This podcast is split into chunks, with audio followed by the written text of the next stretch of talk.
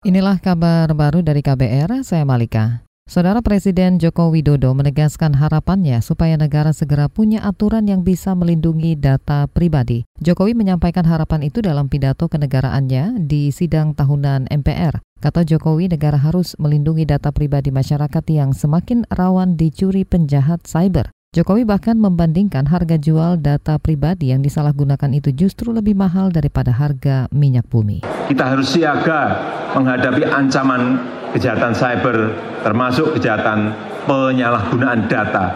Karena data adalah jenis kekayaan baru bangsa kita. Kini data lebih berharga dari minyak. Karena itu kedaulatan data harus diwujudkan hak warga negara atas data pribadi harus dilindungi. Regulasinya harus segera disiapkan. Tidak boleh ada kompromi. Presiden Jokowi juga berjanji untuk segera mengajukan draft rancangan undang-undang perlindungan data pribadi kepada DPR supaya bisa cepat disahkan. Jokowi menegaskan negara harus tanggap menghadapi tantangan baru yang muncul karena perkembangan teknologi termasuk resiko pencurian dan penyalahgunaan data pribadi masyarakat rancangan undang-undang pertanahan dinilai belum menjawab lima masalah krisis agraria yang sudah terjadi sejak puluhan tahun silam, misalnya tentang penguasaan dan konversi lahan. Selain itu, Sekjen Konsorsium Pembaruan Agraria Dewi Kartika meminta Ombudsman membuat nota keberatan terkait percepatan pengesahan RUU pertanahan. Bahkan kalau bisa, draftnya juga harus ditinjau kembali. Sehingga menurut kami, kalau ini tetap disahkan, akan menjadi kado pahit bagi petani di Hari Tani Nasional.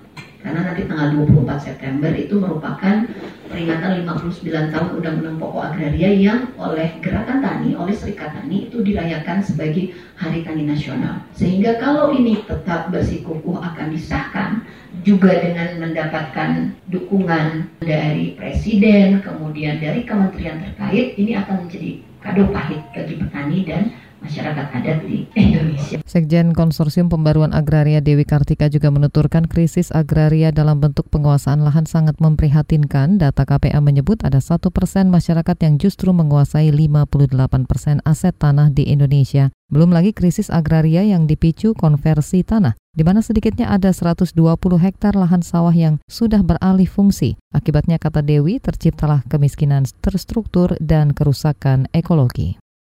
Ombudsman RI mendorong DPR menunda pengesahan RUU Pertanahan. Anggota Ombudsman Ahmad Alamsyah Saragih mengatakan masih banyak masalah pertanahan yang belum terjawab dalam RUU itu. Bahkan sejak tahun lalu lebih dari 9.000 laporan pengaduan masyarakat disampaikan ke Ombudsman paling banyak didominasi kasus pertanahan. Di luar uh, masukan dari teman-teman KPA tadi dalam uh, diskusi, kami juga di Ombudsman melihat bahwa rancangan undang-undang pertanahan ini sebaiknya memang mungkin perlu dipelajari lebih dalam lagi, walaupun uh, tidak terlalu lama, harus sampai bertahun-tahun, tapi mungkin penting juga uh, kemungkinan untuk penundaan sementara. Kenapa? Karena dari hasil identifikasi Ombudsman terhadap beberapa maladministrasi dari sektor pertanahan yang masuk ke Ombudsman, itu tidak terpecahkan dengan undang-undang pertanahan ini. Selain masih banyak krisis agraria yang belum dapat diselesaikan dalam RUU pertanahan, anggota Ombudsman Ahmad Alam Syahsaragih juga memaparkan delapan substansi pertanahan yang masih bermasalah dalam RUU itu, misalnya tentang hak guna usaha yang justru didominasi pemodal skala besar